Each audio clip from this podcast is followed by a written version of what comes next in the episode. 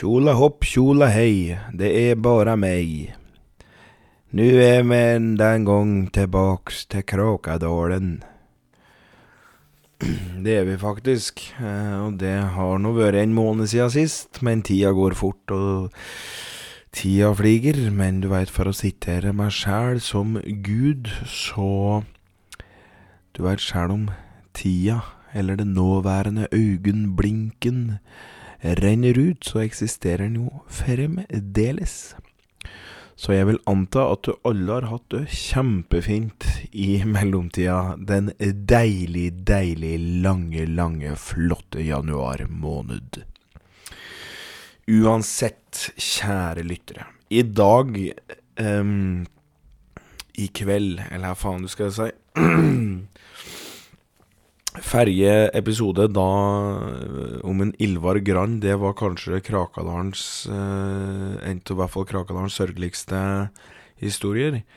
I dag tror jeg vi skal i helt andre enda, eh, har jeg skjønt. For det mm, Jeg hadde egentlig tenkt en annen historie. Men kom over eh, Kom jo over litt mer info om en lege vi har hørt, ifra, hørt om før. Eh, i tidligere episoder, nemlig doktor Kjell Clemet Analbein.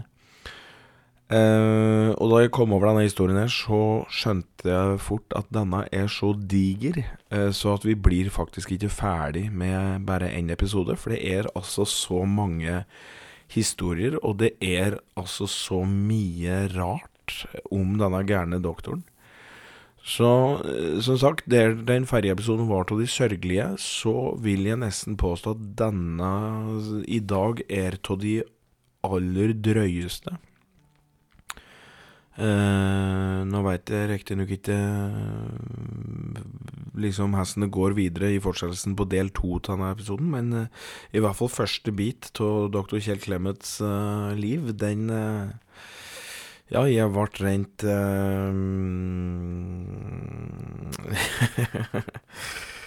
Litt skamfull på hans vegne. At dette her går an. At, uh, at, det går an å finne på slikt. Det syns jeg er nesten helt uh, utrolig. Um, og det er klart Det er klart at grunnen til at det er så mange eller at denne historien blir så Eller at det er så mye om en Kjell eh, Clemet. Eh, det er jo En ting var jo det at han var fryktedoktor i sin tid, men her er egentlig doktor Kjell Clemets tid. For det historien om han, de kommer opp i forskjellige år og generasjoner som eh, som er jo umulig å plassere noe man egentlig har funnet i det hele tatt. Eh, eller altså Var han en slik en doktor som var eh, Som faktisk fant livets eliksir? Eh, eller eh, hadde han da sønner som han kalte opp etter seg sjæl, og så førte da eh, samtidig sine noe alternative legemetoder videre da generasjoner etter generasjoner? Om det Om det er det vi er inne på her? At han var læremester for sine etterkommere. Eh, det vites ikke. Vi veit at det er sønner, involvert. Det veit vi.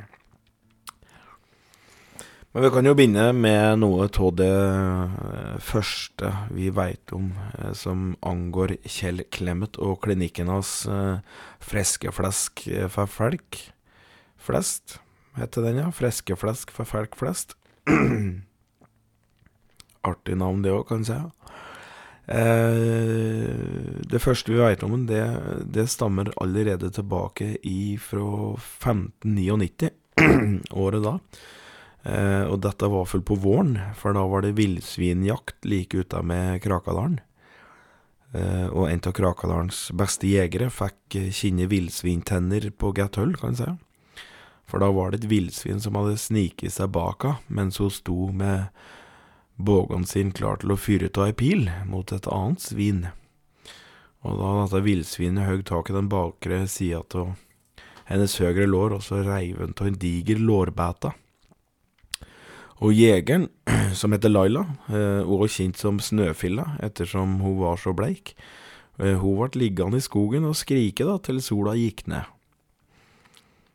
Og det var jo tilfeldigvis Da sola var nede, at en Kjell Clemet Andalbein kom traskende med en villsvinsunge han hadde tatt livet av, hengende over skulderen, og så så han ned på Laila, som lå der og skreik, og så sa han, faen ikke rart det er lite svin i skogen slik du ljomer og skriker.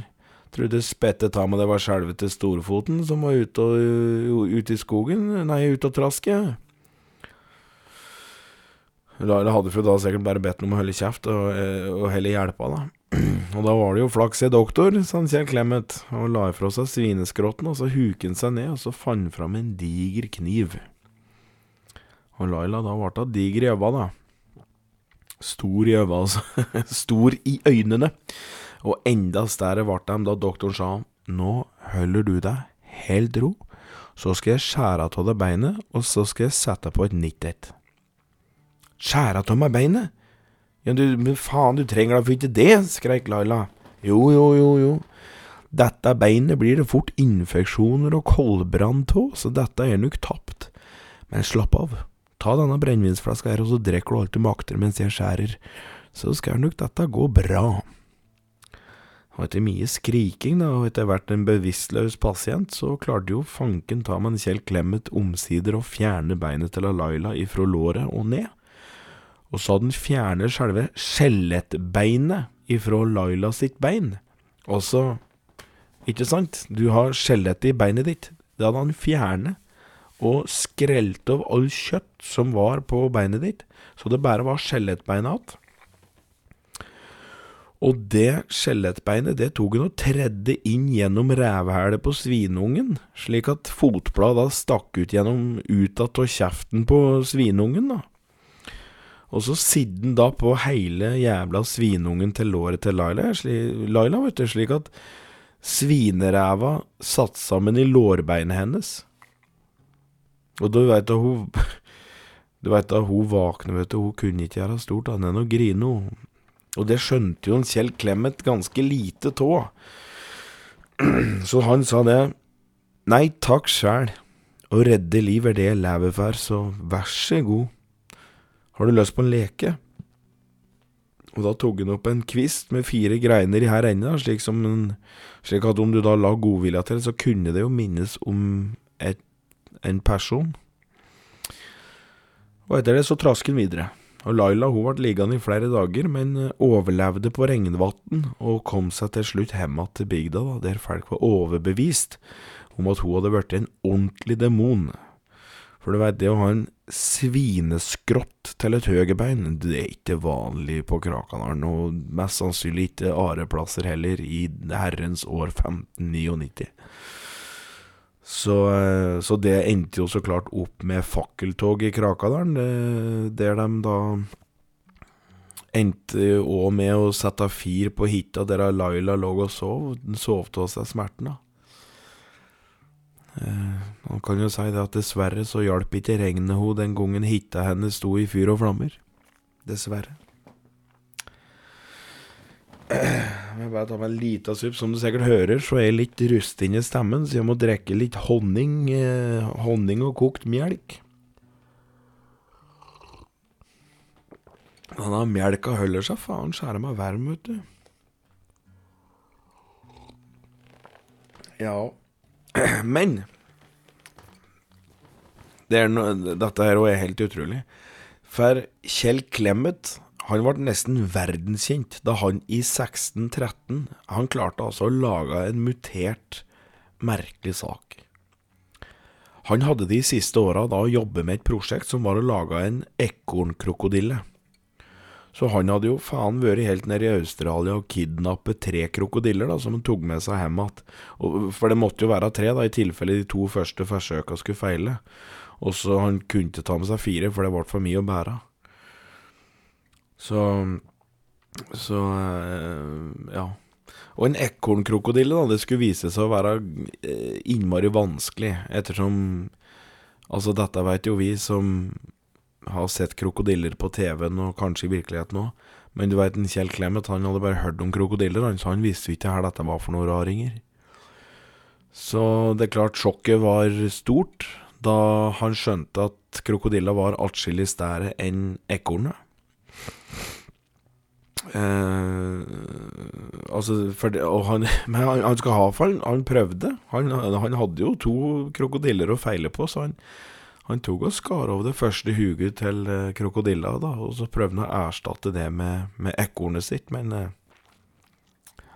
dette var jo anatomisk umulig å få noe slikt noe til å passe. så, så at ja, ekornhuget, det ble da borti krokodilleskrotten, det. så, men det som skjedde, det var jo at uh, Kjell Clemet gikk da på den årlige auksjonen i Krakadalen, og så kjøpte han en okse. Høgge opp oksen skalla, og så tredde han så dette på krokodilleskrotten.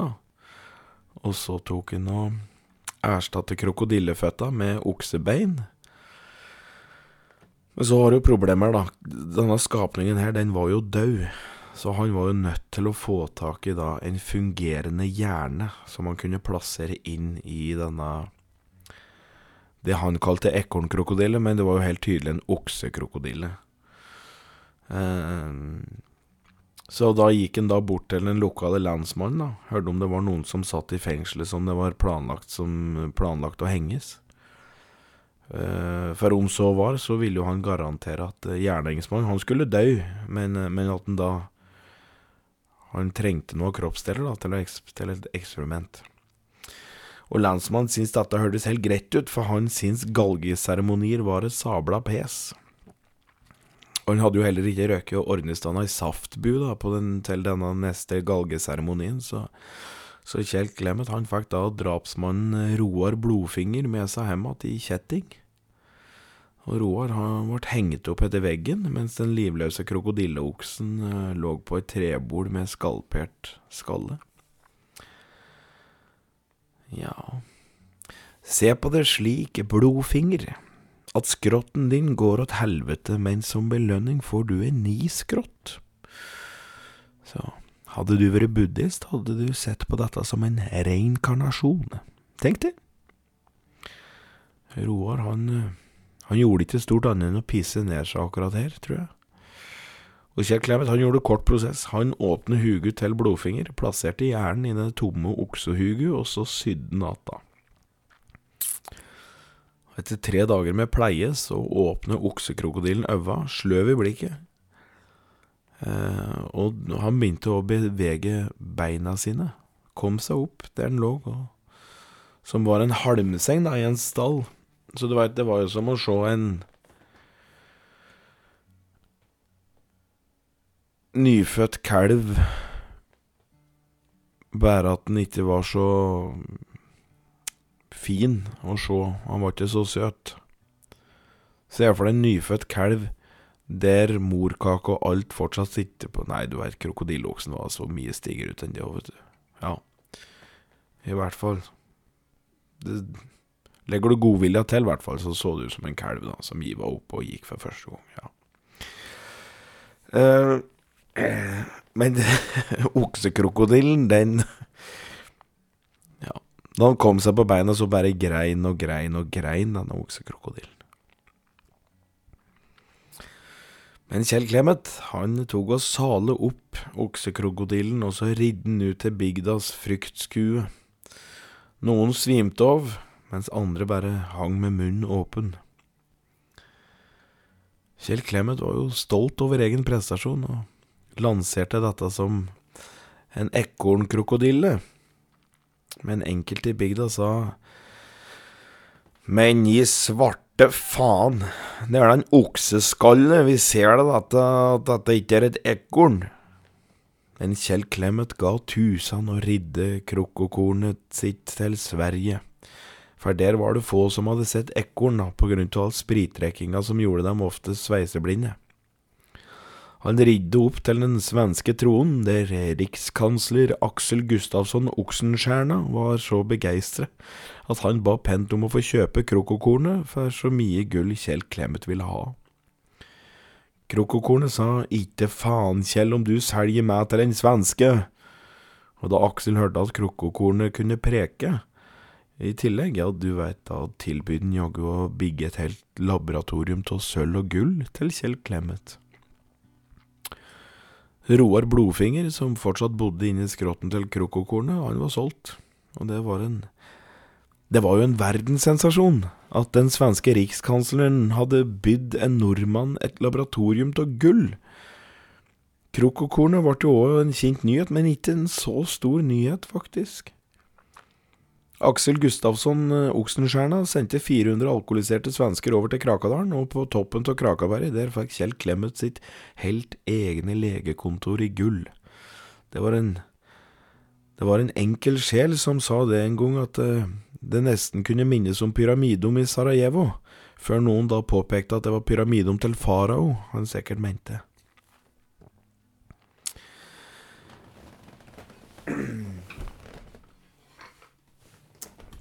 Skal vi se uh, Da laboratoriet sto ferdig, uh, var det ingen grenser for her Kjell Clemet kunne finne på. Um, og dessverre for bygda så ble de villedet ut i en uh, usannhet som ingen folk er fortjente med. De visste ingenting om krokokornet som var solgt til Sverige. Så de eh, trodde jo bare at Kjell Clemet hadde bidratt så mye for her enda hukling i Krakadalen Nei, eh, så mye for å redde den svenske befolkningen. Altså at han hadde vært der og redde så mange svensker. Så de trodde jo nå at han var en av verdens beste doktorer. Noe da her enda sjuke person i Krakadalen så lidelig da skulle få erfare, da. Ikke akkurat var i nærheten av det som faktisk var sant. Doktor Kjell Clemet, han var en gærning. Enkelt og greit. En gærning med mye gull. Og gærninger med mye gull, dem skal du passe deg for. Det var en eh, iskald vintersdag i 1620 at den eh, barskeste skranglefanten i Krakadalen, Pelle Satan, trengte hjelp, for han hadde så vondt i magen. Dessverre for han hadde Kjell Clemet lite erfaringer med tarmproblemer, og fant òg her en Ja, en, en, alternativ metode for å kurere Pelle Satans magesjau. Ja, sa han. Du får eh, stelle deg på alle fire, så får vi se om vi ikke får bukt med sjauen. Pelle stusset litt, men stelte seg på alle fire. Kjell Clemet tok av seg buksa, og så stelte han seg òg på alle fire. Og, og så stelte han seg da med Med ræva til ansiktet til Pelle. Det var jo Akkurat det kan ikke ha vært et gledelig syn, eh, vil jeg tro.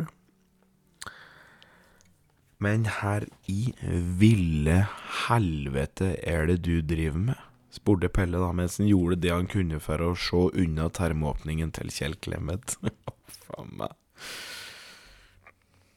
Det er spesielt, det veit jeg. Men om vi skal komme noen vei, så er du nødt til å gjøre som jeg sier. Nå tar du nasagrevet ditt og planter det midt i rævhælet mitt, sa han. Pelle, vet du, han han reiste seg opp og sa det at det ikke faen om jævel sto ved mi side om jeg så gjær, er du kav spenna gæren? På ingen måte, men når magen din skal bli frisk, så må magen din vite hesse en frisk term dufter. Men akkurat, sa Pelle Satan, det tror jeg faen ikke på. Nei vel. Men du må ikke tro at denne gullstua her har kommet av at folk ikke hører på det jeg sier. Du må gjerne gå hjem igjen og dø for min del, sa Kjell Clemet. Da tenkte Pelle seg om et par sekunder, og så stelte han seg ned på alle fire, pustet inn, inn og ut eh, tre ganger, og så satte han nesa i rævhælet på Kjell Clemet.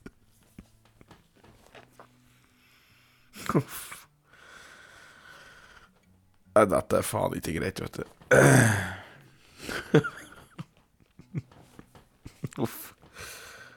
At Nei, det synet her er for mye for meg, til og med. Hvor lenge skal jeg stå slik, da? undrer Pelle på. Nå skal jeg bare ete opp et par epler og litt bønner, og så får vi se om du merker noen forskjell, svarer Kjell.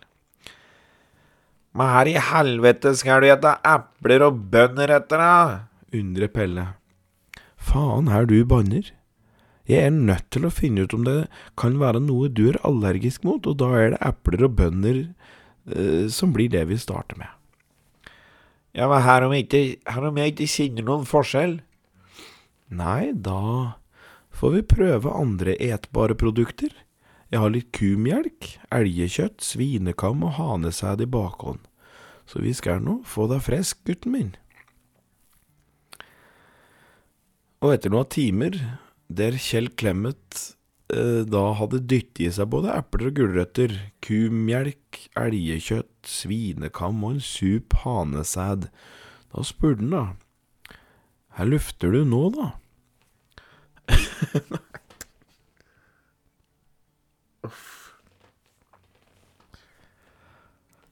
Det er fortsatt bare, det er fortsatt bare Mac, svarer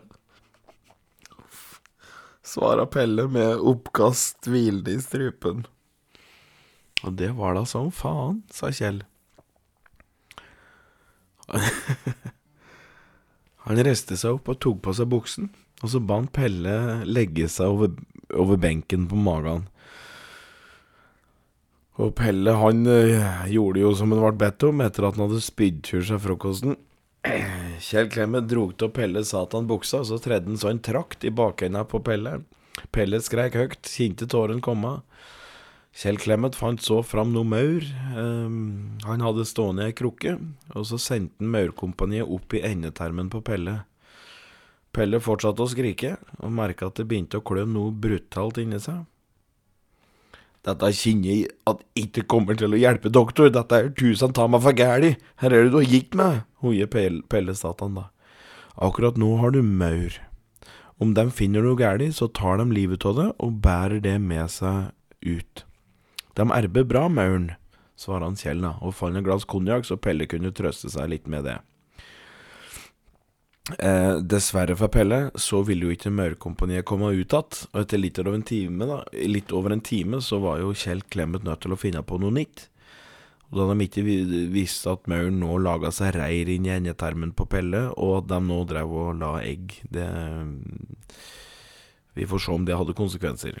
Eh, Kjell Clemet tenkte ikke på den slags, i hvert fall. Eh, han fant fram noe småfrosk som han hadde liggende tvang de fire små frosk da inn i den svarte og dystre åpningen. Pelle skreik enda mer og lurte på her i ville helvete det nå var som foregikk, og da svarer Kjell Clemet. Hvis det nå er slik at mauren har blitt borte inni deg, så sender jeg noe av frosk inn slik at de kan ete dem opp før de kommer ut. Det vil være ille om du skal gå rundt med maur inni deg resten av livet, i tillegg til magesjau. Pelle fikk et konjakkglass til, og enda en time gikk. Dessverre for Pelle så kom heller ikke frosken ut, og Kjell Clemet måtte igjen da bruke huget sitt og tenke ut en, eh, en, eh, en ny plan. Høggerm, datt ut til Kjell, og Pelle kvapp opp. Høggerm? Hva faen mener du med høggerm? Jo, hvis frosken nå har bosatt seg inni deg, så sender jeg inn en hoggorm, så den kan ete dem før den kommer ut. Men herre faen skjer med mauren, da? undrer Pelle. Vi krysser fingre og lem for at frosken har eti dem, sa Kjell Clemet, og så fant fram en høggerm og sendte den inn i trakteren og inn i enda på en Pelle Satan, og nå han grein ganske høglytt nå idet han kjente ormen åle seg i bakåpningen på han. Og dette er, dette er faen ikke greit. faen ikke greit, altså, skrek en Pelle Satan. At du har tjent deg opp på gull og ære, kan faen ikke være på grunn av noe annet enn at du har slakta hele svenskefolket og stjålet alle penga deres. Tøv og fanteri, Pelle. Dem fikk krokooksa mi, tenk. Og der nei, men ikke bare bare, svarer Kjell Clemet der han satt og ventet spent på om høgermen ville kunne gjøre litt nytte. Er det derfor du har så mye gull? For at du solgte det der muterte faenskapet? Så du er, så du er egentlig ikke en ordentlig doktor, du? Men i svarte faen, Kjell, jeg skal nok drepe deg, skreik en Pelle og reiste seg opp og gikk til Kjell Clemet og slo Kjell Clemet så tenner og blodspruten sto. Det skal nevnes at det gikk ikke lenge før Pelle Satan, Bigdas bøllefrø her, skulle lide en verre skjebne enn en det som sikkert var tenkt. Han, eh, han hadde riktignok ikke vært på do siden det forferdelige besøket hos doktoren, men etter et par dager, da kjente han at han måtte så jævlig grassalt eh, mye på dass. Men eh, inne på uthuset, der han satt og presse, så var det jo ymse skapninger som kjemper for livet inni skrotten til Pelle. Så når han presser for å få ting ut, presser mauren seg først opp for å komme ut i munnen, så han hoster først opp maur, og så kjente han at det ble trangere å puste før det smatt ut fire frosk til spiserøret og, eh, og opp til kjeften på han.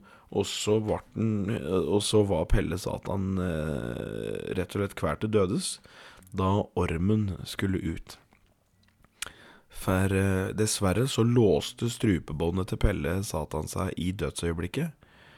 Eh, så når Pelles gjeng, grønnsaksgjengen, eh, fant Pelle Satan, så satt han altså på dass med huget liggende bakover mot veggen, og så hadde han en orm hengende til kjeften som var da like død. Så Det går jo brutalt for seg, kan en si, ja. Mm. Eh, før vi nå går videre, så har jeg lyst til å, dele et notat eh, som er skrevet av Kjell Clemet. Eh, dette har de funnet i Gullaboratoriet i herrens år da 1899. Dette var det Jonas Lihaug Fredriksen som fant. Han var jo sjæl på vandring etter etter livets svar på, på alle dens gåter, holdt jeg på å si. Ja. Det var nå ei og annen frøken han sikkert var ute etter å, og ønske å, å finne, finne, finne fram og fri til noen. Han, jo, han var jo ganske friarsjuk, enn Fredriksen. Så, men heldigvis så popper han innom Krakadal radiostasjon og og leste inn notatet skrevet altså av doktor Kjell Clemet. Og det kommer her.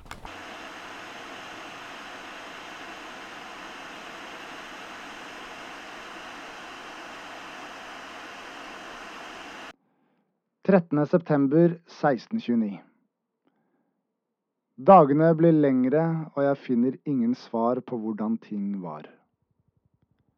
Mine eksperimenter har feilet gang på gang, og viten blir mindre ettersom tiden ei står stille. I dag har jeg en høne på benken, og jeg funderer på hva den kan brukes til.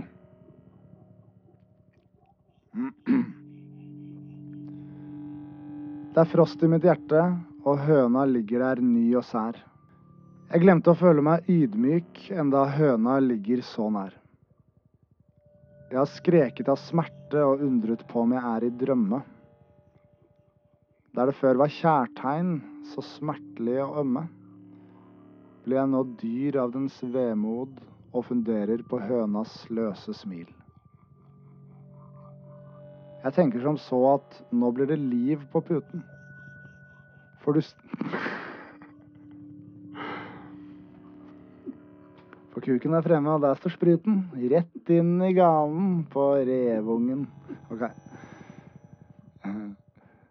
Jeg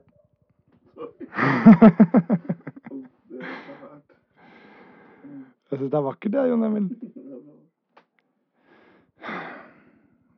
Jeg tenker som så at nå blir det liv på puten.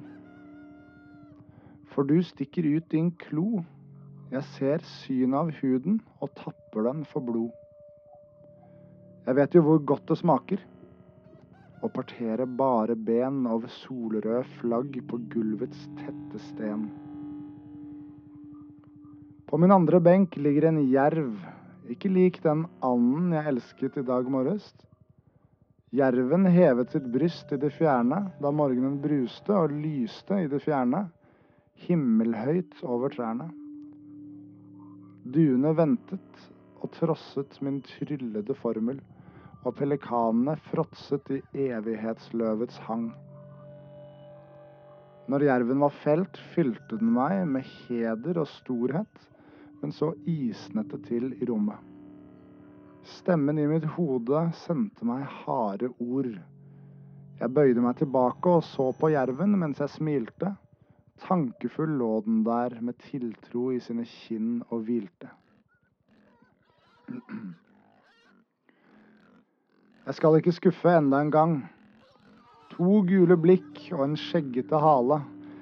Jeg skal nok bruke dem før de faller i total dvale. Oi. Skyggeskikkelser sirkler meg om i mitt arbeidsværelse. Men jeg frykter ei for noe og blir ei skremt, for min lykke er deres byrde.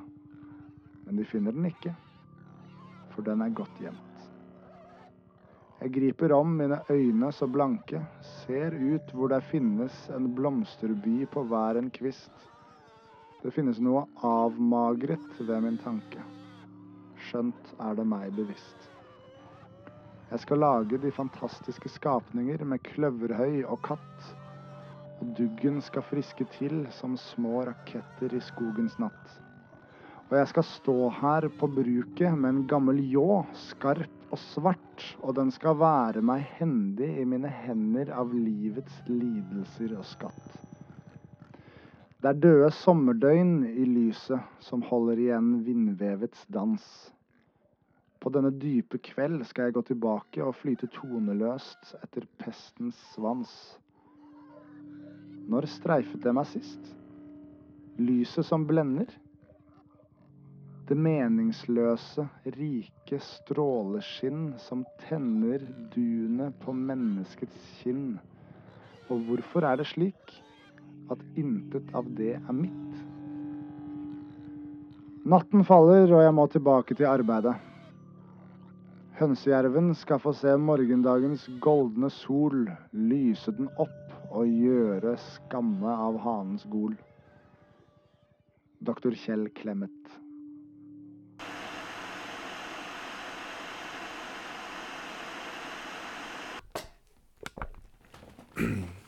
Ja, det var eh, Nesoddgutten Jonas Lihaug Fredriksen.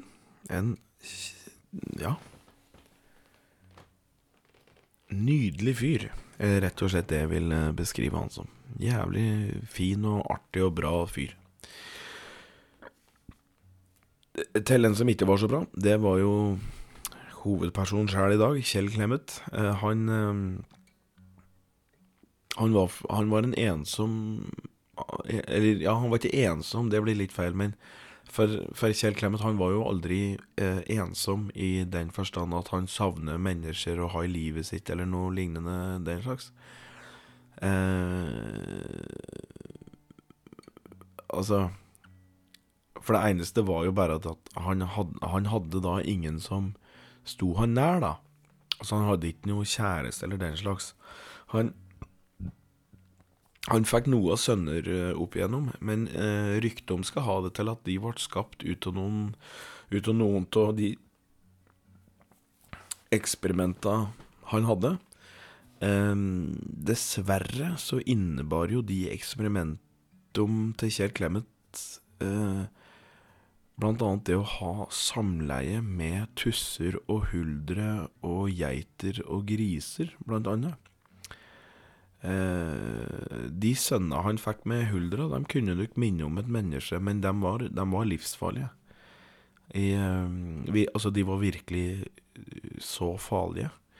I åra 1670 til 1743 så er det jo rykter om flere brutale drap på både folk og fe rundt omkring, der innvoller har blitt spredt utover gårdsplasser og vegger rundt om i bygda. Eh, det var altså så brutalt at folket kunne jo ikke finne en annen forklaring på det enn at det måtte være noe umenneskelig som hadde gjort det. Eh, sønnen Lennart Annalbein, eh, som ja, Han var rett og slett en krysning mellom mann og gris. Han hadde grisetryne, men var i en menneskekropp. Han skulle bli en fryktefant i bygda, kan jeg si. Eh, han endte med å bli bøddel som 19-åring, faktisk. Og i Krakadalen så var det jo ganske lite med henrettelser, så, så han flyttet jo til Kristiania han i 1692, der han møtte fengselsgeneral, eh, en fengselsgeneral ved navn Adam Gurk, som var kjent for sine mange dødsdømte. Grisetrynet Lennart vet du, han var jo så fryktinngytende at Adam var jo redd for sitt eget liv han om han ikke lot Lennart stå for henrettelse om i byen. Så, så, i løpet av sine 14 år som bøddel i Kristiania, altså fra eh, 1692 ja, til 1706, så tok Lennart og lot 248 kjeltringer dingle fra galgen, mens han sjæl tok og høgde huget av hele 492 kjeltringer. Totalt, altså, på 14 år så sto han bak dødsfallet til 740 kjeltringer. Som ikke nødvendigvis var kjeltringer, alle i hop. Um, og han Lennart sjæl, ble jo skutt i bakhuet av ei lita jente som syntes det var dårlig gjort at han hadde tatt livet av far hennes, som bare hadde takket nei til litt kålrotstuing på fattighuset. Noe som Altså, det, det at han takket nei på fattighuset, det hadde da ledet til at altså, noen av de lokale autoritetsfolket da hadde trodd at stakkaren egentlig hadde skillinger nok til å klare seg uten å være en del av fattighuset. Men sanninga var jo at det var så lite kålrotstuing denne dagen at stakkaren han hadde tenkt at det var andre som trengte maten sjøl. Så, ja. Men eh, godeste Kjell Clemet, han var jo en ille person, eh, og igjen, som alle andre folk i Krakadalen, han har jo ei vise som er oppkalt etter seg, og den eh, Den har jeg for en gangs skyld forberedt meg på.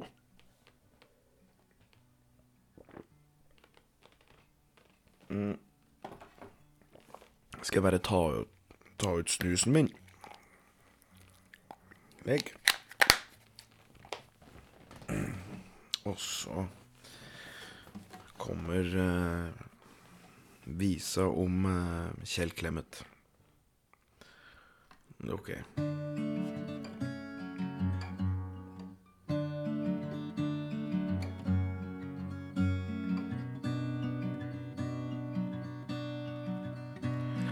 En røver fant ifra østre blest, kom til bygda med dødskyss i sin vest. Han tok alt ifra due til hest tok flere liv enn vår egen pest. En demon i fåreklær han var. Tom i blikket, men hadde alltid et svar. Tok både døtre og sønner. Ingen himmellegemer hørte våre bønner. Mm, mm.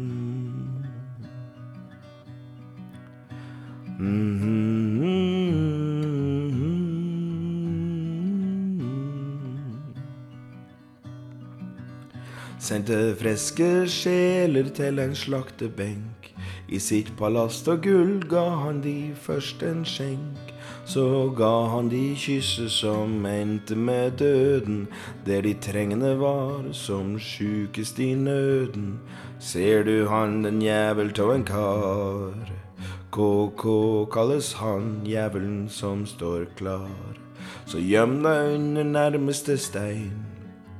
Ikke faen om du blir frisk, bare meire klein. Ah, ah,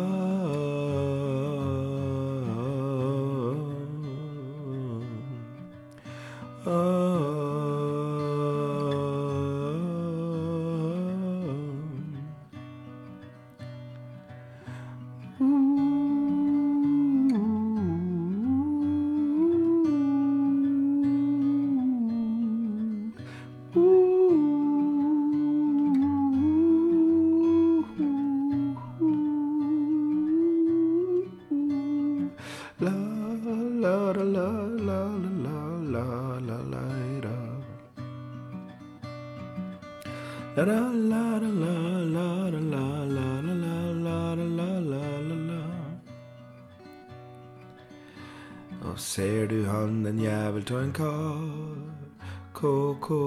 Kalles han, jævelen som står klar, så gjem deg under nærmeste stein. Ikke faen om du blir frisk, bare meire klein. Oh, oh, oh,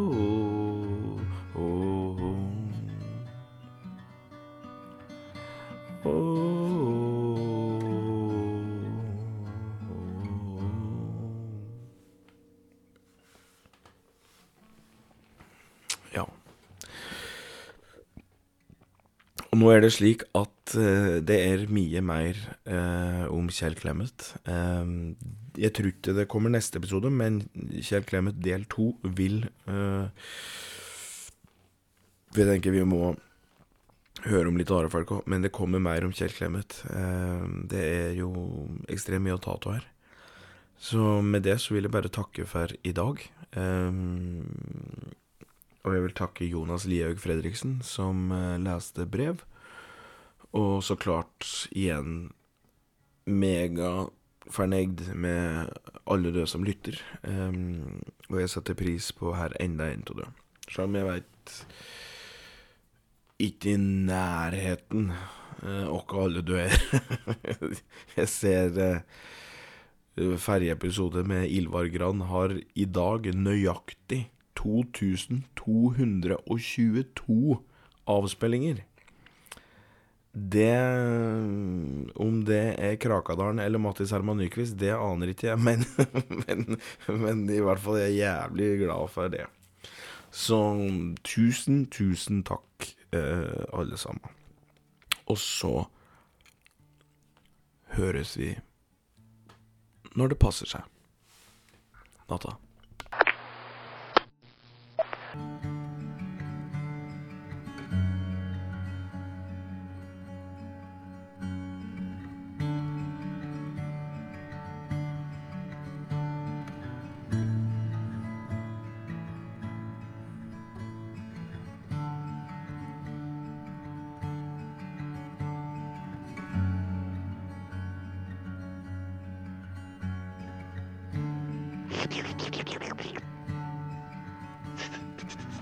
Han sier?